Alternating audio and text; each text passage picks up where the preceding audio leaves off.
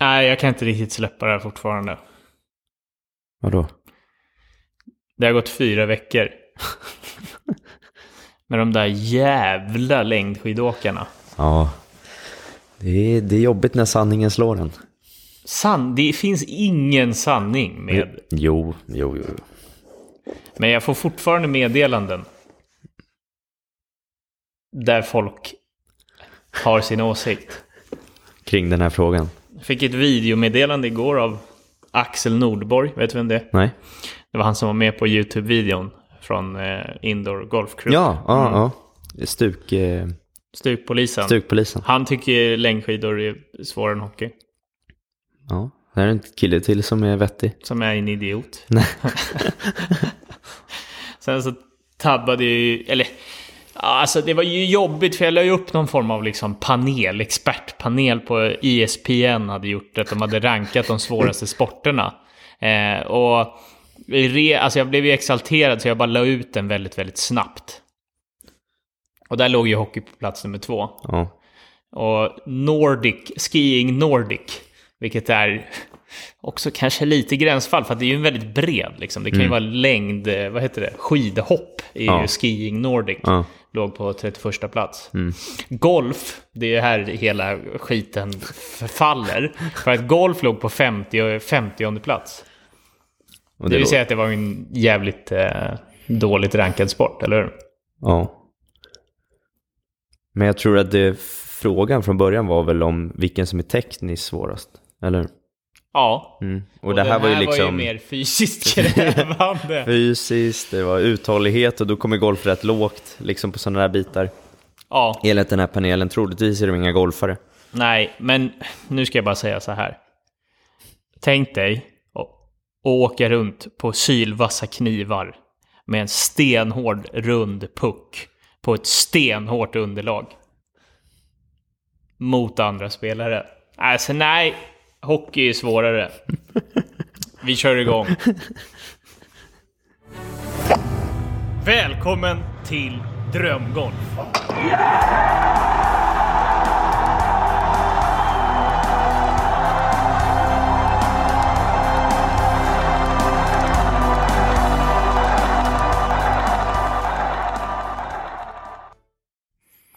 Välkommen till avsnitt 40 av Drömgolf. Fan vad roligt. Nu är det, nu är det några, någon vecka sedan vi spelade in va? Det var det. Jag var ju tvungen att ta avstånd från det efter dina jävla idiotiska påståenden. Ja. Och ja, med existentiell ångest. Nej, inte existentiell ångest, för jag vet vem jag är, men mer, ång inte, eh, mer en ångest över hur mycket tid jag har spenderat med dig och är det rätt? är det rätt man att spendera mycket tid med? Och det här utmynnades ju lite också när jag spelade Saltsjöbadskannan förra veckan i måndags. Mm. Eh, I och med att jag inte gillar Saltsjöbadens golfklubb speciellt mycket. Själva klubben eller banan? Nej, eller? klubben har jag, jag vet inte, alltså Nej. inga åsikter, men själva banan har jag, Ja, den är tuff alltså. mm, den är tuff. Ja. Eh, och det är därför jag inte gillar den. Nej. Och då tänkte jag så här, har jag rätt tränare? eh, har jag det? Vad har han för åsikter? Vad har han gjort med mitt spel? Etc, etc. Eh, och så kunde jag ju spela bra i sex hål och då tänkte jag så här, fan jag har gjort exakt rätt livsbeslut med att välja Marcus som tränare. Längdskidåkning kanske till och med är svårare än hockey. Och sen hållet efter så ja, skickar man bollen åt helvete och så tänkte jag Marcus är en jävla idiot. Och hockey är mycket svårare än eh, längdskidåkning. Och sen så träffade jag en idrottspsykolog två dagar efter det. Och han kom fram till att eh, jag lider av någonting. Och du behövde du en psykolog för att inse? eller? Ja, Ja. Mm. Så att, eh, ja, som ni hör så har jag varit lite perplex. Men för att förklara det... Perplex? Eh, för att förklara det som du har varit iväg på lag-EM. Mm. Ja. Och jag har spelat två golftävlingar förra veckan. Så därav så hade vi faktiskt inte möjligheten att spela in avsnitt. Nej. Vi har, vi har gått om varandra lite också. Ja, men När jag har varit grann. borta så har du varit hemma och tvärtom. Liksom. Så det blir precis som förra sommaren. Det är semestertider nu. Ja men absolut. Men eh, berätta gärna lite, du har varit med din eh, bror eh, Mm. på, på lag-EM i England va? Ja, Eh, och de kom tvåa. ja silver. EM-silver. Så det, det första EM-silvret i, i Jonsson-familjen är, Ja, ja. är hämtat. Absolut, första medaljen i golfsammanhang på internationell nivå. Ja men det är fint. Ja. Vad, eh, ja hur gick det? Du var med som eh, åskådare eller coach eller vad, vad, vad ja, gjorde någon, du där? någonstans mitt emellan där skulle jag säga. Ehm, de, är, de åker ju sex stycken spelare med, ja de har två coacher och eh, ja, andra eh, hjälpkillar. Så jag tror var fyra stycken i teamet som var med där. Mm. Eh, plus de här sex spelarna. Så att, och sen var jag där med mina föräldrar och det var mest för att titta på brorsan men sen även hjälpa honom lite när han, när han behövde hjälp eh, på ranchen och, och runt omkring. Och framförallt så var det viktigaste var ju att se honom i tävlingssammanhang och se vad, vad som händer när han tävlar mot när han tränar och spelar med mig och så vidare. Så Ja, att man kan coacha honom på rätt sätt så att man inte bara tittar på hur han är när han inte tävlar utan det varit en jäkla kul grej. För, men det är inte så ofta man ser honom eftersom han är antingen i USA eller så är han inte i Stockholm och tävlar. Liksom. ja. När såg du han senast då? Tävla? Ja. Eh, det var nog förra året någon gång tror jag. Eh, kommer inte ihåg vilken tävling det var. Nej. Jo, men jag caddade ju honom på um, Bråviken. Just det, det gjorde du ja. Eh, Open där. På Ha. Morgolf Tour. Har du märkt någon skillnad på han som golfare för ett år sedan kontra nu? Och vad är det? Ehm, ja. Om man, om man säger så här, det, jag tror inte att slagen han slår är speciellt så stor skillnad. Han är ju lite bättre på allt, framförallt när wedgar. Mm. Men extremt mycket mera, eh, mer lugn från mig från sidan och mina föräldrar sa samma grej, att man känner sig inte lika nervös när han spelar för att man vet att han fixar det nu. Mm. För att han har blivit mycket mer säker. Alltså, han slår aldrig bort bollen i stort sett. Mm. Och Det var inte så att, det är ju, de spelade ju Royal St. George's som är eh, där de spelade Open förra året. Ja. Ehm, och eh, det är ju en linksbana med, ja men det är typ en, ja, en fairway som inte är superbred, som är väldigt ondulerad på de, alla hål egentligen. Och så är det bunkrar och sen utanför det så är det tjockgräs liksom. Ja. Så vi tänkte så här, okej men då går vi ju typ lite forecaddy så att man får hjälpa till att hitta bollen. Men det var ju mer åt de andra spelarna man fick gå och leta boll än hans bollar.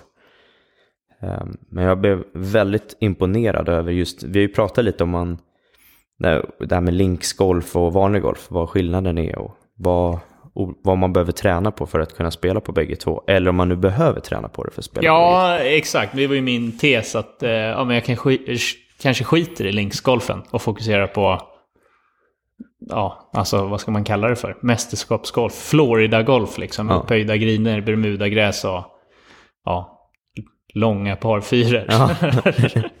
Men eh, vi, jag tog upp den diskussionen med landslagscoacherna. För just så här, ja men hur bra behöver man vara på linksgolf liksom? ja. Och då sa de så här, ja men ja, hur många tävlingar är på linksbanor? Kanske två per år. I bästa fall. ja. Ja, det är Scottish Open och British Open. Om den nu spelas på en linksbana. Så att det är ju lite så här, okej, ja, en av fyra majors är på links karaktär. Mm. De andra är ju inte det oftast. Och då blir det så här, okej, jag tror till exempel Rory McIlroy har ju liksom byggt sitt spel för att han inte ska spela på linksbanor, utan han ska bomba drives, det ska vara liksom den. Eh, och då diskuterar vi lite så här, men jag, min, min känsla är så här, ja men kan du spela linksbanor, då kan du spela det mesta. För den, det är så mycket konstiga slag du behöver slå hela tiden. Det står aldrig egentligen platt, du ligger i bunkrar och du måste chippa ut, högräs, ja så vidare. Mm. Men, eh, ja, och sen just det att kunna spela i vind, det är en jävla stark grej tror jag, oavsett karaktär. Mm. Men eh, ja, vi, hade en, vi diskuterade, men det är så här, ja, det beror lite på. Och vad man vill göra. Men jag tror ju att man kanske inte behöver satsa på just linksgolfen om man ska, alltså om man ska spela i Sverige direkt. Det är rätt Nej, o- men du säger en sjukt intressant sak som inte jag har tänkt på. Mm. Om man kan bemästra en linksbana så kan man spela vart som helst. Mm. För det är ju svårare slag generellt på links än vad det är Ja, jag, jag tycker Alltså på en absolut det. mästerskapsbana. Ja. Eh, och det är lite som när jag var i Neapel. och så åkte vi med en taxichaufför från Neapel till Amalfikusten. Och då sa han att eh, kan man köra bil i Neapel, då kan man köra bil i hela världen. Ja. För det, jag vet inte, har du kört bil i Neapel? Nej. Nej. Tight eller? Nej, det är lite... Det är, du tar för dig om man säger så. Det är bara rakt ut och rätt in. Det, är, det finns ingen, ingen tid för att tveka. Nej. Ja, nej, men det, det är ungefär samma ska jag säga. Ja, Och det var ju sjukt, alltså jätte, det är ju liksom, han möter ju typ de bästa amatörspelarna i Europa som är där och spelar. Så första varvet som han går ut och spelar då är ju en singel, så man spelar två varv, ar- eller 18 hål, 18 hål. Där de räknar de fem bästa scorerna i laget och de åtta bästa gör upp sen om, eh, då hamnar man i kvartsfinal då. Och de andra får spela typ på eh, vilken plats man kommer i då. ja, Så att eh, de första två varven är ju egentligen bara för att ta sig till topp 8. Och sen så möter man ju då, ett, etta möter åttan, två möter sjuan och så vidare. Mm. Och Sverige var rankad tror jag nia inför det här. Eh, så det var ju liksom att då ska de ju vara bättre än vad de behöver vara för att vara med. ja. Och då får han spela första varvet, får han spela med en kille som heter, jag tror han heter Sam, i alla fall Barry Stowe heter han i efternamn. Mm. Eh, kan ni kolla nu på The Open, han lirar i den. Eh, engelsman, amatörspelare. Och de lirade ihop och han hade spelat Open på den banan året innan och spelade rätt bra. Det är rätt häftigt att se en sån duktig spelare som är liksom engelsman, spelar linksbanor, kan verkligen spela det. Det var sjukt bra golf alltså. Mm. Han, Men- han slog slagen och tänkte lite annorlunda än vad, vad du skulle göra. Ja, och jag sa det till Tobbe, så bara, hänger du på honom nu, då har du gjort en bra runda. Ja, Och han gick, Tobbe gick plus ett och han gick på par det varvet. Så sjukt bra runda liksom. ja. Och det är alltså, det är väl kanske inte... Alltså just på den banan är det ju en sjukt bra score liksom. Ja. Ja, men det vad är det, andra tävlingen Tobias gör på en linksbana. Så det var ju mycket så här, bara lära sig och förstå hur det funkar. Men de lyckas spöa, eller de gick vidare, de kom sjua, fick möta Frankrike, spöa Frankrike. Eh, sen spöade de England och för att komma till final och torska mot spanjorerna. De Ja. spanska tassarna. Det är ändå mäktigt att spöa England. Det är stort på hemmaplan. Ja. Inte för att det var supermycket publik, men det är Nej, nice. men jag menar de är ändå... Alltså, de har ju mer vana av att spela den, den eh, typen av golf. Ja, absolut. Mm. Men det var jättekul. Man lärde sig jättemycket kring att förstå. Eh, vi har ju pratat lite det här med statistik och med puttning och så vidare. Ja, Men landslagscoachen, de hade jättetydligt så här. De, för jag gick ju med dem liksom runt och när man tittar på Tobias och, och de andra spelarna. mm. Så, ja, så pratade vi liksom och diskuterade. Då sa han så här, ja, här är det bara att ta en bogey från det läget. Och det mindsetet är ju svårt att ha. Att när man ligger på fel sida, ja, acceptera att det, det bästa du kan få härifrån är en bogey. Mm. Och så, så lyckas ut sig Tobias ju göra ett par på det slaget. Och då vart det ju en jättebonus, det är som att göra birdie ungefär. Mm. Och när man ligger bra, då ska du göra birdie. Men linksgolfen handlade mer om att inte missa på fel sida. Liksom. Så man skulle kunna säga att det handlar om att inte göra dubbelbogey. Mm. Och när du har läge göra birdie för att jämna ut dina bogeys. Ja, men, men det är ju liksom så här, ja, missa på rätt ställe. Det var liksom det som hela principen handlar om. Så det kan ju vara, skicka ut bollen i tjockruffen, för där ligger du bättre än om du skulle lägga den på fairway, för då ser du inte green. Ja, Alltså sådana där principer. Och det var ju, man pratade sjukt mycket om flyer, för att det var jättelätt i den här ruffen att skicka det. ja. Och får du flyer på linksbanor så är det hårda griner, det finns inte en chans att bollen stannar. Nej, det är ju det. Man kanske skrattar lite åt och säger att det handlar om att inte göra dubbelbogey och Ja. göra birdie. Men Ja. alltså, tänker man så när man spelar? Ja, jag tror att det är många som har svårt. Jag där, tror där väldigt- tror jag är en mognadsfråga. Liksom. Ja, jag har ju svårt för det. Men börjar bli bättre. Ja. Det vill säga att det kommer fler dubbelbogeys hos mig än vad det gör Ja. på Tobbe Jonssons scorekort. Mm. För att man kanske ska hämta i kapp liksom och spelar utan tålamod. Mm. Och var, man såg det jättetydligt på vilka olika typer av spelare. När man ligger lite efter så försöker man göra slag som man kanske inte är 100% säker på att lyckas med. Mm. Man försöker slå över någon bunker eller något sånt där. Eller lägga den där det är out höger eller vad det var. Mm. Och så ser man hur de misslyckas. för att de gör någonting som de inte är trygga med. Mm.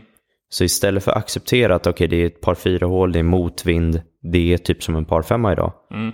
Så spelade de det som en försök att göra ett par. Och då slutar de med en dubbelbogey istället för att de skulle kunna ha gjort en, ja, en bra bogey med en bra chans. Alltså spela upp den på tre och så vidare. Ja. Ja, men jävligt intressant. Har, har du någon annan spaning från, eh, vad heter det, landslagscoacherna och landslagsspelarna? Är det någonting de gör som inte vi gör? Eller är det någonting som, Nå. som de pratar om som inte vi pratar om? Det, om man säger coacherna pratade mycket statistik. Eh, vi pratade lite så här puttning, ja okej. Man, man tittade, man tror ju att alla är så jävla bra, men de är inte så jävla bra på putta kanske. De som är bäst på putta sparade sjukt mycket slag. Och det var ju det som var skillnaden märkte man ju på när de spelade de här Forza-matcherna och så vidare. Från tid till green så ser det typ likadant ut på, Mm. på alla spelare som var där. Ja, någon kanske slår lite längre. Ja. Och så är det någon som är het med putten och så vinner de sina matcher. Det var typ så det funkade. Ja. Eh, och jag tror en, en annan spaning från hela den här eh, grejen var hur bra spelarna är på att spela i vind. Och kunna beräkna de olika typer av slagen mot vad jag är och garanterat vad du är också. Mm. Att de är extremt duktiga på att slå de här mjuka slagen och skicka låga slag och så vidare. Alla spelarna i stort sett. Mm. Och, en, och en, en grej som jag märker, som man går runt som tränare och tittar på de här spelarna. Jävlar vad de inte rör på sig så mycket i sina svingar. Det är, de är väldigt stabila de här spelarna. Ja. Det är väldigt lite svaj höger, vänster. Det är ingen som glider upp på tån direkt när de slår. Och sen så är det nästan alla hade, eller inte nästan alla, men de, väldigt många spelare hade en ganska kort finish som vi har pratat mycket om. Typ att du vet den här äh, med lite Tommy Fleetwood finish, om man säger så. Mm. Istället för att den går runt hela vägen. Mm. För de slog ju mycket liksom låga slag när de skickade på de här slagen. Superstabila svingar. Mm. Svingar de aggressivt då eller lugnare med låg finish? Eh, både och, beroende på vad de skulle spela för typ av slag. Ja. Men det var nästan aldrig någon som var lång, liksom, eller så här skopig swing om man säger så. Det funkar nog inte på den nivån tror jag. Nej. Och sen jävlar vad bra de är på putta alltså. Ja. Där ligger vi i lä kan jag säga. Även Ja. om du tycker att du är bra puttare så är det här var Ja, en ja helt men det annan är, nivå. det är en annan nivå liksom. Alltså, man har jämför väl sig, jämför mig själv med mig själv förra året. Mm. Om man eh, tänker puttning liksom. Och det är ju det du ska göra. Ja, hela tiden. Ja. För de här började ju inte sin tävlingsgolf förra året. De började den när de var 6-7 år gamla. Ja. Eller ja, kanske 8 då. I Sverige. Man ligger lite efter i, I utvecklingen. i, i mognaden i tävlingsfas. Men Ja. det var, var jävligt kul att hänga med och se, se hur duktiga de är och vad de jobbar på. ja. Vad pratade det spanska landslaget om då? Ja, ingen aning. Spanska? det fattar inte du. Nej. Hola, mi loco Marcus Jonsson. En liten jävel. Ja men fint. Så Ja. du, har haft en, du skickade ju en serie av typ så här 15-20 bilder på banan. Mm. Eh, det såg ju, jag har ju aldrig varit i England eller Skottland eller Irland och spelat de här äldre, riktigt gamla eh, linksbanorna. Men Mm. det är ju på min bucket list. Eh, så det ser ju, det ser ju inbjudande Ja, ut. vi man säger måste så. åka dit och lira. Så. Ja. Jag, jag har en, en grej till som hände där på den här klubben. Ja. Som just den här veckan var undantag, men det var jävligt intressant att lyfta lite tycker jag. Mm. Det var att den golfklubben var en av de mest strikta golfklubbarna när det kommer till klädkod och så vidare. Ja. Så de hade ju du vet, typ det här standard man tänker golfare på banan, när det ska vara liksom krage och så vidare. Men för att få gå in i klubbhuset och käka Mm. så var du tvungen att gå in och byta om till kavaj och slips. Mm. Och liksom, du fick inte ha golfskor i klubbhuset. Men det var undantaget den här veckan, för nu fick man gå lite hur man ville. Men det var en jävligt spännande grej när de har liksom omklädningsrum med sin receptionsdisk och det sitter folk där. Om du tänker om man jämför det med vad man går runt på klubbarna nu. Mm. De har ju behållit det här liksom, eh, biten. Vad, vad tycker du om det? Vad, vad vill du ha? Vill du ha klädkod eller ska man få ha vad man vill? Nej, alltså nummer ett så tycker jag det väl kanske någonstans är roligt att det finns några områden och några klubbar som fortfarande håller kvar vid det gamla. Mm. Det finns några K-märkta klubbar om man säger så. Men i stora hela så, ja. Fatta vad jobbigt att kliva upp på Ågesta Golfkrogen Country Club och sätta på sig kavajen varje gång du ska käka en pyttipanna på en tisdag. Ja. Eh, snabbt innan du ska ut och spela 18. Så att, eh, ja, det är väl roligt, men eh, det är väl kanske inte riktigt min syn på golf i allmänhet, om man säger så. Men, men jag tror inte de, visst även om de har pyttipanna på ett sånt här ställe, om, om de nu käkar sånt, men det, de har ju inte eh, en snabb 18-årsrunda i- där. Jag ska inte ut på en snabb 18-årsrunda utan då är det en hel dag de liksom, då ska de sitta där och dricka sin whisky och ta lite. Speciellt när man får köra på 0,8 i promille på det här landet. Det låter helt sjukt alltså. Mm. Det är en halv bira för dig, för du har ju så jävla dåligt ölsinne. Ja. Ja. Erkänn att du blev lite rökig efter en halv Guinness när du var där. Ja, ja, ja, det var ju mysigt. Både mätt och rökig. Ja, väldigt mätt alltså. Mycket fish and chips och... Sorry, I can't drive, I'm on the kanelen. Cannel. The candle, the cinnamon, I'm on the cinnamon guys. I can't not drive. Körde du bil förresten? De kör ju för fan på fel sida. Nej, fa- farsan fick köra. Ja. Eh, nej, det, det såg inte kul ut alltså. Hade din pappa kunnat köra i Neapel? Ja, det, oh, oh, kanske. Jag vet inte, jag har inte varit i Neapel. Så. Mm, nej. Är faktiskt en, en rolig grej eh, som jag märkte stor skillnad eh, i min hjärna. Du vet, vår, mäns hjärnor är ju färdigutvecklade när man är 25 år. Mm. Kommer du ihåg när du var liten? Och sen tänkte du liksom, alltså, men min pappa han klarar allting. Ja, Jag tänkte så typ när vi var utomlands, typ, man kanske var 5-6 år. ja, Och så skulle man, har man käkat middag så är man trött och somnar. Och min brorsa, ja, även fast han inte vill erkänna det, men han kanske också somnade då. Men Ja. då skulle på riktigt min, alltså då bar min farsa mig och min bror liksom. Det kändes som flera, flera mil han bar oss till. Han grejade det.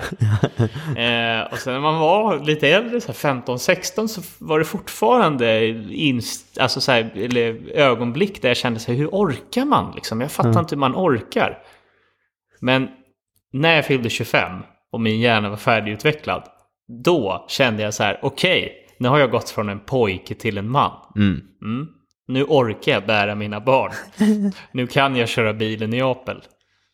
Förstår du vad jag menar? Ja, ja. Man får det hur, alltså, man får det att funka liksom. Men ja, ja verkligen. Jag, jag, jag märkte ju, kände ju det första gången man åkte utomlands själv. Alltså utan föräldrarna. Ja, Och man tänker, hur fan ska man klara det här? De har ju liksom gjort allt det Ja, men de var i samma sinnestillstånd som jag är ja, när jag åker.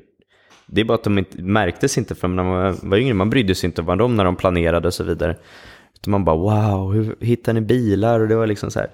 Men det löser sig. Mm. Nej, men det är lite roligt det där med mentaliteten Ja, efter verkligen. 25. Och därav förstår jag varför man pikar generellt när man är 27. Det är ju en sån här peakålder. Liksom. Mm. 27 till 30 brukar ju vara det. För då brukar liksom fysiken vara som mest, eh, eller ja, vara som bäst. Mm. Eller kanske inte bäst, men, men utvecklad i alla fall med motorik etc. Men sen tror jag det är framförallt mentaliteten, att man liksom har klivit in i, i sin eh, färdigutvecklade manshjärna. Ja, Eh, sen händer faktiskt ingenting efter 25. nej. Det är erfarenheter, sen är man likadan. Ja. Det vill säga att är du 25 då kan du vara väldigt bra vän med någon som är 55.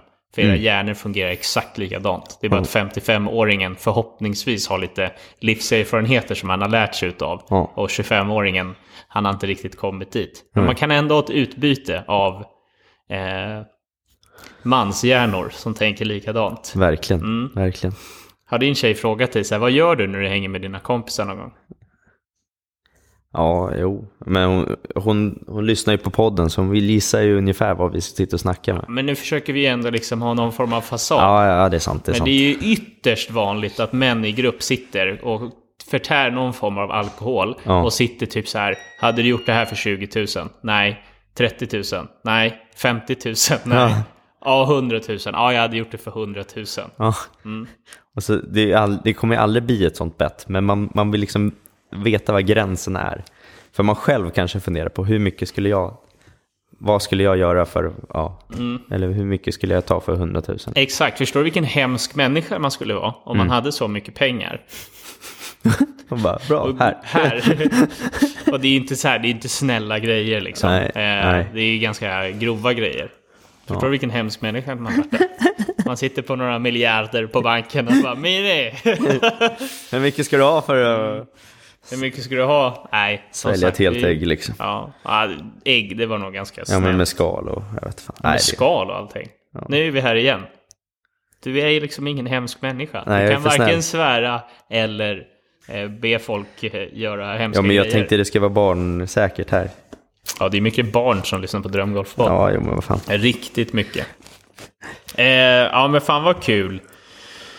Så du har varit på landslags... Eh, uppdrag. Ja, I wish. Ja, men det är ändå Nej, fint. det var kul. Det var kul. Ma- Och det var ju ändå, jag, apropå det här EM-silvret, Mm. vem ska Tobias tacka? Det är inte, det är inte liksom han själv.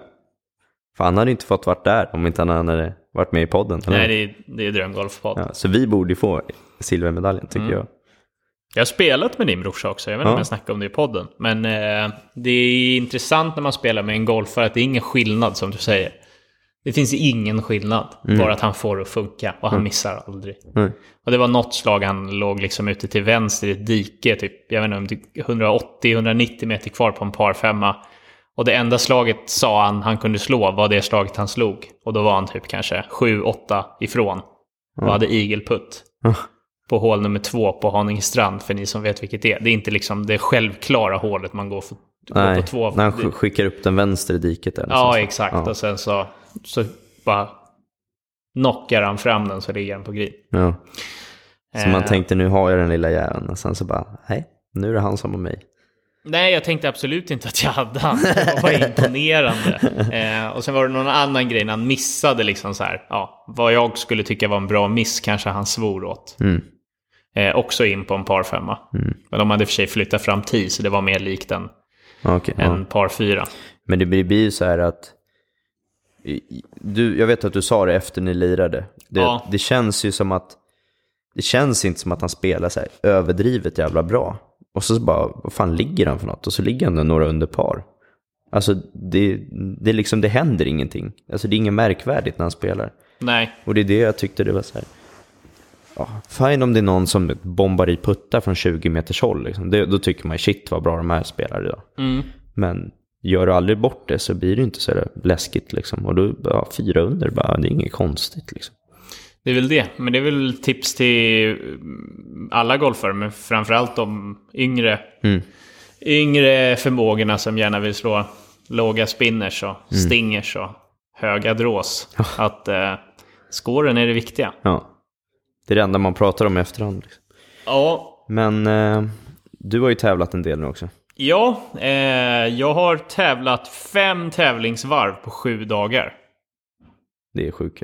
För mig är det, ja, det är kul och för mig är det en optimal vecka. Ja. Eh, för det var någon gång jag kände förra året när det var typ tre veckor i rad av tävlingar. Mm. Eh, det var ett klubbmästerskap, septemberpokalen på Djursholm och sen var det Mälarö efter. Men just den, liksom så här, om det är två, två tävlingar inom liksom så här sju dagar eller liksom, ja, eh, det är väldigt fördelaktigt.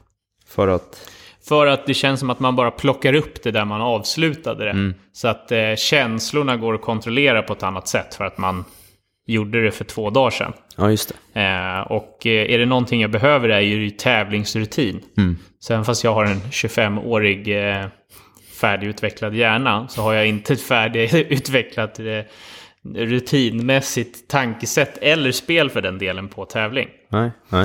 Eh, så att, eh, jag skulle ju spelat en tävling på, i Göteborg.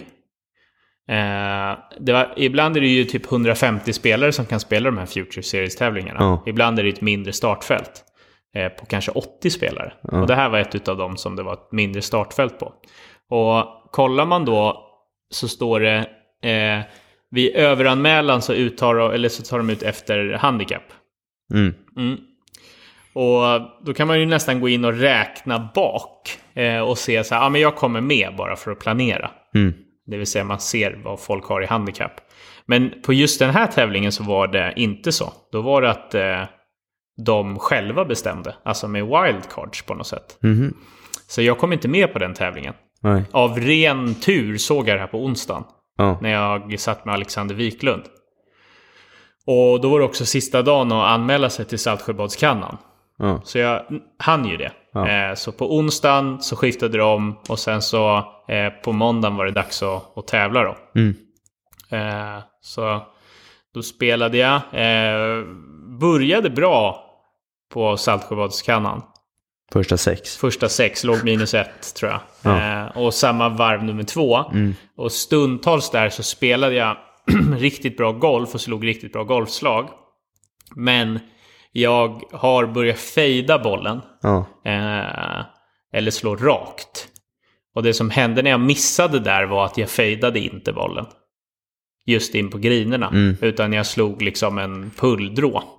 Och slår man en pulldrå och siktar med fade på Saltsjöbaden så är det liksom inte en... Ja, men, ja, du, du kan ligga i skogen liksom. Eh, Du kan hitta bollen men det var extremt många lägen där. Alltså jag tror tre gånger fick jag droppa mig för ospelbar för att jag låg in till ett träd eller en stubbe. Ja. Så vanligtvis vad som skulle kunna vara en chip 2 putt var liksom, ja i det här fallet, drop chip 2 putt. Eh, och det blev dubbelbogis. Mm. Och sen var det bälten av dåliga hål. Så det kunde vara dubbelbogey, bogey, dubbelbogey. Och så varvade det så. Ja. Och sen... Men jag, tänk, jag, kommer ihåg, jag kommer ihåg när du spelade förra året. Jag är ganska säker på att det var den tävlingen. Mm. Jag för mig att du var jättedålig första sex och jättedålig sista sex. Ja. Men du var bra i mitten. Ja. Men nu var du bra första sex. Ja. Och sen hade du en sämre period i mitten eller? Ja, typ. Eh, Det är ju det med att hålla, i, hålla ihop det eh, och spela likadant i 18 hål. Sen om det är 18 boogies eller 18 par, eh, Ja. man spelar likadant. det är ju rutinen för att komma in. Ja. Så att jag hamnade på en 52 plats av, eh, vad är det, totalt eh, 78 spelare. Så det är ju typ som jag hamnade nästan på alla tävlingar förra året. Ja. Det är liksom 80 ett varv och sen typ 78 ett annat varv. Liksom. Ja. Eh, och så är man missnöjd efter. Men jag var inte så jävla missnöjd efter. Eh, för att jag hade inga förväntningar på tävlingen. Jag skulle försöka spela mitt spel. Ja. För att jag hade slagit bollen bra, jag hade puttat bra eh, och liksom ja, haft rätt risiga chippar. Eh, Så jag var inte så missnöjd utan jag tog det för vad det är. Och kände liksom efter att ja, men det finns ju saker som jag ska förbättra. För att om jag slår bollen bra så kan jag inte liksom ha, ja vi säger ett tillfälle jag hade 165 meter kvar. Det var typ ingen vind överhuvudtaget. Det var varmt ute och jag skulle kunna slå en järnsjua som är egentligen den perfekta klubben om jag slår en bra järnsjua. Eller så ska jag slå en lugn sexa. Och eftersom det är tävling så slår jag en lugn sexa för att man ska svinga med bra tempo, det är det korrekta valet. Men jag liksom stannar upp och accelererar inte genom bollen. Ja, okej. Och det var då de här stora pullarna kom. Ja. Och det var då jag missade som, som mest. Ja. Eh, så att jag committade inte till slaget. Så att jag ringde och snackade med, eh, vad heter det? Magnus Edenblad som har varit med i podden. Mm. Mm. Eh, Jag träffade han en timme, två eller en dag efter tävlingen. Och pratade just det här om att committa till slaget. Ja. Det vill säga att om jag väljer min järnsjua då och committar 100% till slaget och det blir ett dåligt slag, då har jag i alla fall committat till slaget. Mm. Så att om jag slår en lite tjockt och slår en 150 meter, då har jag i alla fall committat till slaget. Mm. Så att jag inte är någonstans i ett vakuum av, ja, ah, fan, uh, ah, osäkerhet. ja, det får man inte vara. Det är ver- verkligen det som är otroligt viktigt. Jag vet, jag vet att när vi var på Ågesta så var det ett, ett mantra vi körde hela tiden. Det gäller även hur jag är som tränare och så vidare. It's better to be decisive than correct. Det är bättre att vara liksom, ja men, låta som att man har, eller man vet att man är säker på det här och så kör man det. Än att du har rätt med saken. För att står du och velar och tvekar, både om det är som tränare eller som, som spelare, när man är ute och lirar, ja, det är så svårt. För då kommer du aldrig, du kommer inte göra någonting bra. Antingen, antingen gör du ditt beslut och så gör du så bra du bara kan, eller du kan ju inte te- tveka på om du har gjort rätt beslut eller inte som du säger. Mm. Nej, men det är helt korrekt. Och lite som jag har pratat om med min putt... Eh, vad heter det? Putt... Eh, Rutin eller? rutin och, och så jag puttar nu, då linjerar ju alla puttar. Och det handlar mer om att starta bollen i linjen med rätt hastighet än något annat. Ja. Så att om jag har läst en 4 meters putt fel och slår en rätt hastighet och rätt i linje, då har ju jag någonstans slagit en bra putt Ja. tekniskt. Ja, och committat till det. Mm. Eh, och det gör jag ju. Eh, Bara att jag inte använt ordet committat kanske i huvudet eller Nej. satt eh, en känsla, ett ord på det. Men så har jag inte gjort med klubbor från tee. Så jag märkte det, jag tänkte så här, ja men de har ju lite så här, typ tee på höjder på Saltsjöbaden där man slår från matta. Ja. Och där rullar man ju inte upp vagnen. Eh, och då tar jag med mig kanske två, tre klubbor upp. Och så står du och... Nej, jag är inte 100% bestämd när jag går upp för backen. Nej. Så att även om jag hade tagit fel klubba för det hålet, Mm. men liksom valt den och stått fast vid det, så tror jag att slaget, eller jag vet att slaget över tid blir mycket, mycket bättre. Ja. Sen betyder inte det att jag inte kommer missa, men ja, jag väljer någonting och så kör jag på det. Och det är fan eh, inte så jävla svårt egentligen. Det är bara att köra på. Det är därför jag tror, alltså nu när du säger det här. Ja, Jag har spelat rätt många varv med halvset. Ja. Eller att man går ut och spelar med tre klubbor. Det har jag gjort jättemycket med juniorträningarna. ja, Och de flesta spelar nästan bättre när man plockar bort valmöjligheterna. ja, För det är ju det är ju så här, en sexa och en sjua är rätt nära. Mm. Men, en, men en sjua och en femma, ja, då är det ganska såklart om man väljer sjuan eller femman. ja, det, det finns inget snack. Och går du ut med tre klubbor, ja, då är det min järnsjua, min wedge och min, eh, ja, min järnfemma som jag ska ut och lira med. Mm. Det är väldigt tydligt vad jag ska spela med för klubba. Det är väldigt tydligt. För då kan du bara tänka, nummer ett, okej vart vill jag missa? Jag vill missa lång. Vi tar 165 meter då.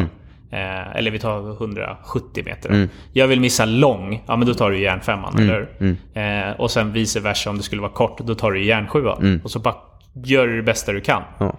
Eh, så att eh, det, det var en ja, väldigt enkel men intressant tanke som jag har märkt att jag är, har varit väldigt dålig på på tävling. Men du har varit bra med puttningen. Men det är bara att du ska ta dem in i resten av spelet. Ja, eh, puttningarna funkar jättebra på tävling.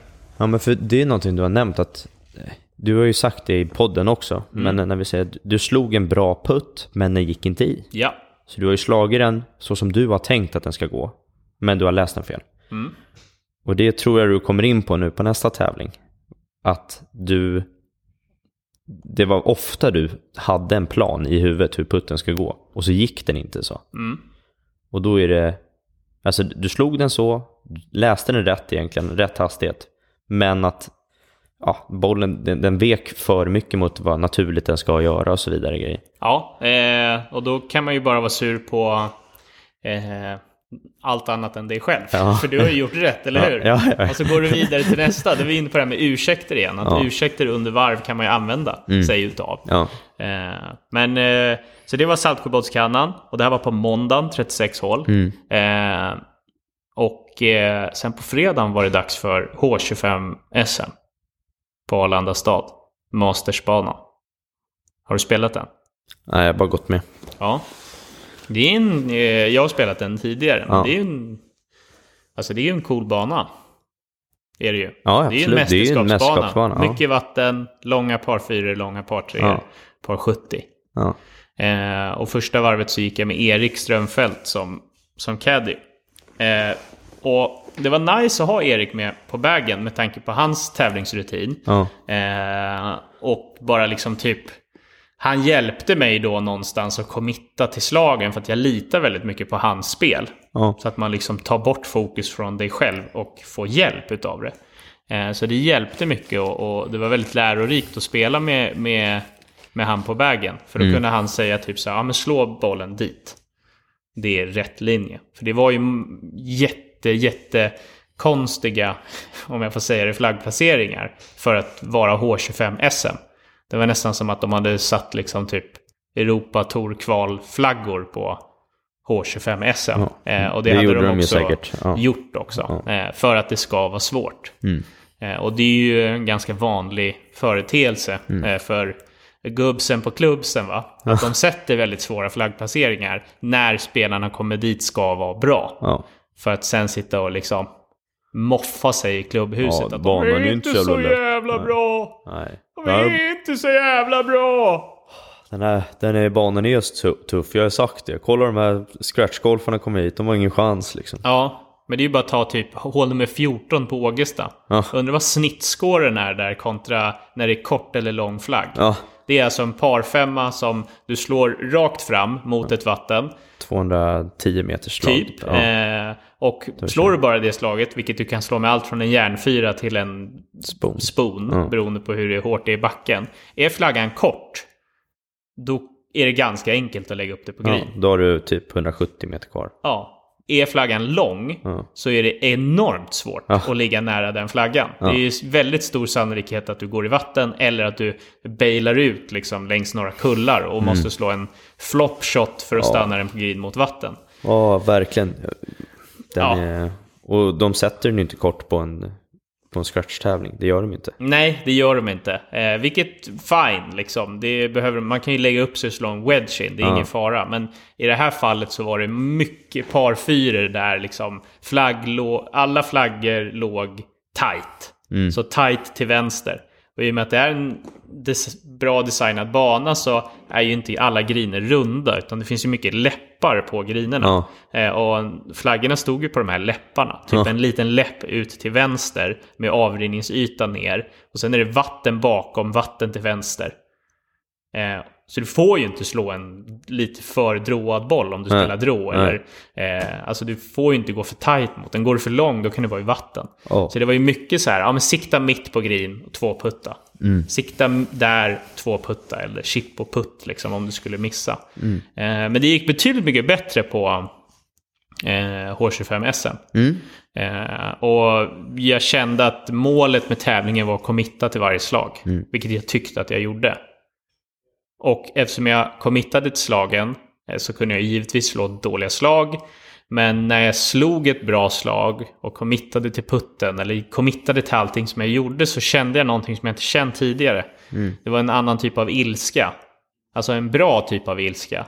En tävlingsmänniska-ilska Ja. på att eh, ja, den här bollen ska vara i hål. Ja. Inte typ så här, ah, hoppas den kommer nära så jag kan peta i den för par eller bogey. Eller hoppas jag inte puttar den för långt nu när jag har en bogeyputt. Så att, eh, utan bollen skulle i hål. Vilket var eh, ett ganska, ja men det var som att det skiftade lite i hjärnan när jag tävlade.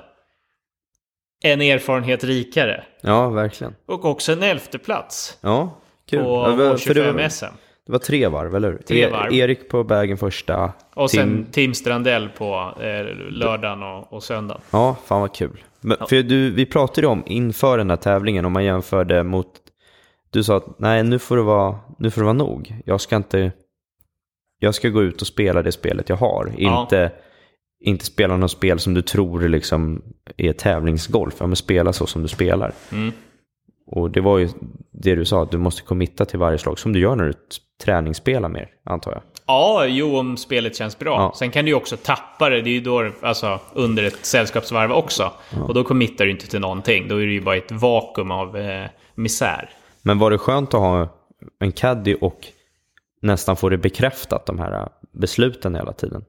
Eh, vet du vad, det var skönt att ha en caddy som är så pass duktig golfare och får det bekräftat om jag ska Ja, vara ärlig. ja. Alltså, det är absolut inget illa menat mot eh, varken liksom, Linus eller Tim eller liknande som, som har är utbildade caddies. Ja. Det är bara det att eh, jag är ju inte en Europatour-spelare. Nej. Förstår du? Nej. Eh, Så att man kanske behöver ha lite erfarenheter för att komma dit. Ja, Så att ens, man litar på sina egna beslut. Och det är ju väl ett steg i att försöka bemästra golfen, eller framförallt bemästra tävlingsgolfen. ja. Så att, eh, men det, det, var, det var roligt. Så tack till både eh, Jerka, Jerka Strömfält och sen även Tim. ja. Och sen måste jag säga att H25-touren var jävligt trevlig. Så det kanske blir en grej nästa år. Ja, och om, de verkar ju ha lite olika... Alltså, alltså det kommer absolut bli någonting i framtiden om jag säger så. Ja. När eh, jag... Eh, ja, om liksom... Ja, får vi se liksom om man inte spelar lika mycket Future Series eller satsar på kvalet etc. Men då tror jag H25, H25 eller H40 det är absolut någonting som man kommer använda sig av i, i framtiden. För att det, det är en, man får ju ändå en tävlingsitch och det är ju bra golfare som spelar. Jag tror han som vann hade plus fyra eller någonting. Ja, men det är det är klart det är duktiga golfare. Jag tror på den nivån, H25-touren, det är ju liksom det är ju folk som vill spela bra golf och tävla som är, de vill spela scratch-golf från V10 och liksom gå ut och, ja, på, på samma, det är egentligen niv- våra nivåer skulle jag säga. Absolut. Eh, Eh, De är, de är duktiga golfare på klubbarna som gillar att tävla och åker runt och spelar olika banor. Jag tror att det är en fantastisk grej alltså. Ja, men det är skitbra. Och sen är det ju också, alltså, nu är det ju bra att eh, det finns boogie, vad heter det, poängboogie och sådana typer av klubbtävlingar. Men det gör ingenting för mig. Nej, Skulle nej, jag komma sist i en sån tävling så skulle inte jag bry mig ett smack. nej. Skulle jag komma först i en sån tävling så skulle inte jag skryta speciellt mycket om det i, i poddformat. Nej men, du fattar vad jag menar. Eftersom det är ju ungefär som att springa ett maraton på en mil. Ja, Och sen så har någon mycket lägre handikapp och ska springa fyra mil.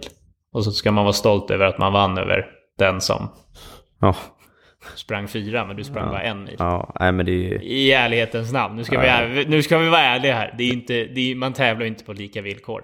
nej det gör man ju inte. Nej. För att sen de som har lågt handikapp, de har oftast mer korrekt, eller någorlunda korrekt handikapp ska jag säga. Eh, och det är jävligt stor skillnad att gå, om du har 36 handikapp och gå på 30 handikapp. Du lyckas, alltså det är ju sex slag på banan kan man rätt hitta på 120 slag om man säger så. Eller vad det är, nej, ett 100 slag då. Och sen om man jämför det mot eh, eh, en, en scratch-golfer som ska kapa sex slag, då behövs det jävligt mycket. För att du gör inte bort det så mycket som en scratch-golfer. Mm. Sex under par mot att gå på par, det är en jävla skillnad. För banorna är byggda för att man ska gå på par egentligen. Mm. Sen är det vi som slår längre nu och kan ta vara på par femmorna typ. Men då spelar du en bana som Arlanda stad som har par 70. Mm. Ja, då tappar du egentligen två par fem möjligheter oftast då. Ja, och det så. byts ut med den kortaste partrean. Jag slog järn 7 in. Mm. Och jag slår min järn 7 155 till 165 meter. Mm. Alltså utan vind, beroende på lite hur jag slår den. Men hysta är den ja, 165 meter. Mm. Så att det var den kortaste eh, partrean. Och den hade också ingen vatten. Det var, det var vatten intill, inte över, men vatten intill många partreor. Och den längsta var varv två, då var det 200 någonting till flagg. Liksom. Så det är ganska långa partreor att byta ut mot en scoringmöjlighet.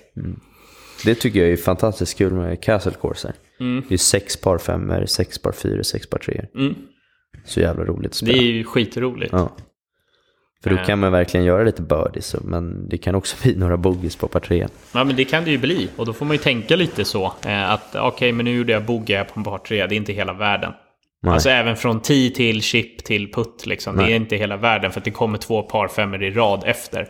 Så att spelar jag bara, håller jag tålamodet och, och, och eh, liksom, ja, slår bollen bra från tee, då, då har jag en möjlighet. Ja, men det gäller ju att skapa, skapa så stor chans som möjligt att göra par varje gång. Ja, men det behöver inte vara en grinträff, utan är- du kan göra en bra chip så har du räddat hålet. Men det är ju de här som försöker, måste, alltså från 200 meter och pricka green. Det är inte, det är inte alla gör inte det på varje slag direkt, om man säger så. Ja, jag, jag håller med. Du, en fråga med, när vi pratar om handikapp. Vad är en fuskhandikappare enligt dig? Ehm, det finns så två håll. Ja, men det, det finns så två håll, men nu... Ja, men för mig är en fuskhandikappare en som har för högt handikapp och spelar handikapptävlingar och går och vinner tävlingarna. Det är en mygelhandikappare ska jag säga. De som inte... Säg att jag, om jag skulle ha 18 i handikapp och gå ut och spela en handikapptävling och vinna en resa till eh, ja, Azorerna eller vad fan vet jag. Ja, Det tycker jag är mer fusk än att det är någon som har myglat ner sig lågt handikapp. För det är ju egentligen bara sabbar dem om de ska spela en sån typ av tävling. ja en poängbogey-tävling, Ja. eller hur? Ja. Men ska vi vara ärliga här i Drömgolfpodd? Mm. Nya handikappsystemet. Ja, det är väldigt speciellt. Ja, men det premierar ju folk som har... Alltså alla har ju lägre handikapp nu Ja. än vad man hade för tre år sedan, eller hur? Ja, alltså hade du haft plus fyra handikapp för tre år sedan, då är du sjukt bra golfare. Ja. Nu, alltså på hemmaklubben och bara regga de rundorna när du sänker dig liksom. Om man är en sån spelare. Ja, då är det inte jätteimponerande. Nej, men... Eh, Men det sabbar ju för de här tävlingarna du lirar ju. Det är ju det det gör. Och det är lite det jag vill komma in på. Det är Ja. säkert många som upplever samma. Det är att man måste någonstans ligga runt plus ett i handikapp hela tiden. Mm. Alltså för att komma med på de här tävlingarna eftersom de inte är rankingbaserade. Nej. Och det kan ju... liksom man har ju sett folk med... Jag är ju en av dem. Om man tar min snittscore på tävlingar kontra mitt handikapp. Ja. Så är det ju absolut inte i paritet till vad jag faktiskt har. Nej. Men någonstans måste man ju ändå ligga där om man vill tävla de här tävlingarna. För att jag tänker inte gå och vänta och liksom så här, "Ah, men jag kommer inte med i den här tävlingen för att eh, liksom ja, alla har plus 3, plus 4, plus 5. Nej. Och så kollar man då på ledartavlan efter, ja men då är det någon med plus 4 som har skjutit 88. Mm. Det ju, har ju hänt liksom. Och det har ju varit ett jätteproblem med juniorerna också. Ja, Och jag vet ju att när jag, när jag jobbade på Augusta sa jag det, när man gjorde om det här helt plötsligt. Ja. Så var det ingen av juniorerna som kunde tävla någon tävling överhuvudtaget. Då sa jag, men gå ut och spela nio hålar på Augusta. Sänk ert handikapp. För att ni måste ju få kunna tävla. ja, Det är ju liksom, de är ju med och spelar golf för att kunna tävla. Så därför tycker jag det här handikappsystemet är skit för duktiga golfare på det sättet. det är värdelöst. För att det, det premierar till att det blir att man går runt och sänker sig på hemmabanan och så går man ut och så har man lägre handikapp. Men det ger ju egentligen ingenting för att de här golfarna, de är inte intresserade av handikapp. Du och jag bryr oss Nej, inte om jag, handikapp. jag bryr mig bara om att få spela tävlingar. Ja? Eh, Så det är, det enda jag därför det, hela det här systemet är ju liksom fel för duktiga golfare. Mm. Men fantastiskt bra för sämre golfare. För att få ett snitthandikapp än att du jämför hela tiden mot ditt personbästa. Det Mm. är jävligt, du vet. Om, om det är vindstilla och det är flaggarna, eh, flaggorna står lätt en dag och sen har du eh, ja, just den dagen lite het med putten som en medelgolfare. Och så går du sex slag bättre än handikapp och så bara oj, nu är jag nere på, från 18 så är jag nere på, ja, jag är nere på 16 någonting. Och sen nästa varv då går du ut och så kommer man ligga på 26, ja 30-30 poäng som man har legat då alla de andra gångerna liksom. Det blir så jävla svårt att jämföra. Det är som att Stefan Holm sätter sitt personbästa 2.40 eller vad han hoppade. Så nästa tävling, då ska han börja på 2.40. Och sen för varje, eller var, varje runda han spelar får han sänka sig. Okej, nästa är 3, eller 2.39, sen är det 2.38. Det tar ju sjukt lång tid innan han kan faktiskt klara den höjden igen. Så var det ju med handikappsystemet förut. Nu är det så här, okej, på, på tävlingarna i snitt så har du ett snitt på 2.20 som du hoppar. Därför du börjar. Liksom. Ja, Det tycker jag är mer rimligt. Men för att vi ska kunna få tävla så måste vi ta, ligga så att vi hoppar på 2,60 typ, hela tiden. hela tiden. Ja, Men det gör vi inte. Det finns ju ingen som bryr sig om handikapp. Nej. Det enda folk bryr sig om det är ju att ha tillräckligt lågt handikapp så man får spela eh, ja, de tävlingarna som inte är rankingbaserade utan bara handikappbaserade. Ja, Jag, jag vet inte hur många runder jag skulle kunna regga till år för att få ligga på ett plus två, plus tre kanske. Men det är ju just här på Brohof är det ju... vi- spelade ju Stadium Course en dag. Eh, vi spelade förvisso 16 hål på Stadium. Eh, Och två år på Castle. av två hål på Castle Ja. eh, gjorde vi. Och jag gick två över par Mm. från VT. Eh, och ja, alltså det spelade ingen fantastisk golf, eller hur? Nej. Eh, slog bollen bra från tee. Eh, och sen gjorde jag typ sex birdies Mm. och sen åtta bogeys liksom. Eh, men vi tänkte inte så mycket, alltså det var... Ja, vi tränade och spelade liksom. Sen efter när man kollar, vi säger att det hade varit två över par på, Ja. på Stadium då, vilket var 16 hål. Mm. Eh, det är ju typ Jag tror det var fyra eller... fyra eller fem slag om Ja. du har noll i handikapp från VT. Ja. Och då blåste det extremt lite. Ja. Det vill säga att den banan är ganska generös med slag. Ja.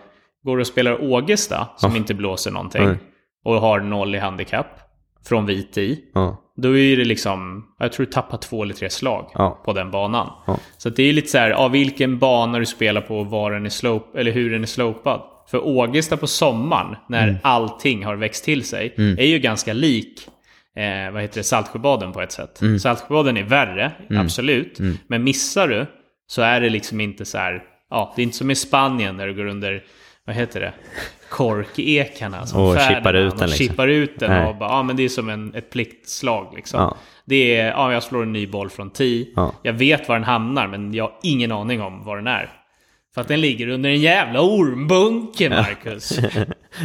Men det är, det är ju, slopesystemet är mycket inriktat på hur lång banan är. Ja, Och för oss som slår lite långt, då är det ju nästan bara en fördel att den är slopad. Alltså att den är längre. för oss ja. Ja, absolut. Ågesta är, är väldigt kort, Ja. alltså i längd. Men du kan inte missa ett utslag. Du, du, du måste vara med från 10. Ja. Och den är trick, alltså sjukt trixig. Jag vet hur många gånger som helst som man stått där på juniortävlingar och de ska spela in och säger Åh fan den är bara typ 5-8 eller vad den är, Mm. jag kommer inte ihåg. Och så bara fan, och kolla på, kolla på femman, den är bara 430 meter. Fan det är ju en par fyra ju, och de är längre på hemmabanan. Fan vi kommer gå 5-6 under där, så säger allihopa. Så slutar det med att ingen av tävlingen, eller alltså deltagarna går under par på över 36 hål. Nej. Inte en enda, och alla är plushandikappade. Inte en kotte. Och så tycker man då att det här slope-systemet är rättvist på den banan, men det är det ju inte. Men det är ju för att det är ju på längdmässigt. Och så sätter du upp då, som du sa nu, flaggorna tufft på Augusta mot de står snällt, ja då är det tre, fyra slag på banan. Mm. Det är ju samma sak här, kommer ut här och spelar Stadium Course VT när det blåser och flaggorna står svårt, ja då behöver varenda extra slag som finns på den här banan. Mm. Men när du och jag går ut och spelar, det är vindstilla, det är eh, livet är gött, vi har en golfbil, det är tomt på banan framför och vi bara lirar på. Mm. Ja, då är det en helt annan grej. Ja, men det är, det är ju det. Det är lite olika. Eh, men det är därför jag tycker någonstans att eh, tävlingsresultaten eh, eller handikapp, alltså det borde finnas någon nivå fortfarande på att ja, men här kan man sänka sig på tävling, tänker jag. Det tycker jag med. Eh, för då behöver man ju spela de här klubbtävlingarna Ja. för att komma ner i handikapp. Och, Ja. ja. det går liksom inte att... Och, ja, jag skulle inte ens kalla det för mygla till sig. För att någonstans, om alla gör det, varför ska du inte göra det själv? Nej. Liksom? Du ska inte... det, det, det är synd alltså. Ja, det är lite synd. Nej, men jag, jag tänker just det här... Det finns ju klubb, de, det fanns ju massa klubbtävlingar för duktiga golfare också, för att de skulle kunna sänka sig. Mm. Onsdagstoren, tisdagstoren på de här klubbarna. Liksom. Ja. Så jävla roligt att spela de tävlingarna, eh, egentligen. Om man nu hade som mål. Men nu finns det ju ingen anledning egentligen, om du inte tycker det här bara tävlingsgolfandet är jättekul. Alltså du behöver inte spela dem för att sänka det. Men det var det jag gjorde när jag var junior för att komma ner i handikapp, så jag kunde komma in på tävlingar. Mm. Jag var ju tvungen att spela de här med gubbarna på klubben liksom. Ja. Ja, men det är Men det är ju intressant att prata om. Ja, Eh, nästa avsnitt så har jag eh, en massa tävlingsvarv som jag har laddat och skrivit in i den här SVGT. appen Ja, inte appen utan jag har gjort det på nätet. på nätet. Ja. Eh, Finns det en app alltså? Jag tror det. Ja. Jag har inte hittat appen. Men Nej. det är i alla fall jävligt intressant att se vart jag tappar slag. För allting handlar ju bara om strokes gain. Ja, Så det finns alltså tydligt var jag tappar slag. Sen är det ju en parameter som kanske är liksom ja, 40 till 240 meters inspel eller vad det är. Den är ju en ganska bred. eh, en ganska bred liksom. Men eh, det ska vi gå igenom i nästa avsnitt. fan vad kul. Och sen så ska vi prata om eh, statistik och hur, eh, ja, vad jag ska träna på för att bli bättre. Det är skitbra. Eller vad jag inte ska träna på. Och fortsätta försöka spara slag på. Helt rätt. Hängde du med där? Ja, ja. Ja. ja. Som vi har pratat om att man inte ska träna på det man är dålig på utan man ska dubbla upp på det man är bra på. Helt rätt. Det vill säga 0 till 2 meters puttar. Riktigt bra från 0 till 2 meter. Bränner inte någon. Så när jag väl kommer inom 2 meter om, omkrets kring flagg, då jävlar, då hängs det putt Marcus. Då Alltså, är, Max är inte längre på golfklubben, han står hemma och puttar. två Noll till meters två meter. puttar. Nej, jag ska bli bäst i världen på 2 meters puttar. Fy fan, 100%igt. Jävligt fint. Då blir det puttkungen i alla fall. Mm. Men eh, du har ju en utmaning till alla lyssnare också. Det har jag. Förhoppningsvis så lyssnar väldigt många på Drömgolfpodd i grupp och dricker alkohol. Det är, vad- det är min förhoppning. ja. Att man liksom samlas. Ja, det behöver inte vara fredag om man är liksom en vardagskrökare. Man kanske till och med har problem med alkohol. Man Ja. kanske behöver söka hjälp. ja. Men eh, det här kommer inte hjälpa dina problem. Lyssna på valfritt avsnitt av Drömgolfpodd. Och eh, ta en shot varje gång jag säger förstår vad jag menar. förstår du vad jag menar? förstår du Ja, vad jag ja, menar? jag förstår vad du menar. Hur många gånger som Förstår helst. ni vad jag menar? Förstår du vad jag menar? Förstår du vad jag menar? Är det är... Ja, det är otroligt när du sa det. Jag bara... Ja, ja, jag, jag fattar. Jag förstår precis vad du menar när du sa det. Mm, men du förstår va? Mm. Det är, jag förstår att när man sitter och lyssnar på sig själv, och det har jag också nämnt säkert tio gånger, och klipper sin egna röst, Ja. så får man en helt annan bild av hur man pratar än vad man tror. Förstår du vad jag menar? Ja. Och eh, jag kan konstatera att jag säger förstår du vad jag menar? Ja, lite för mycket. Så att eh, jag hoppas att ni förstår vad jag menar, för jag förstår vad jag menar. Och eh, vi hörs nästa vecka igen. Förstår du vad jag menar? Tja då!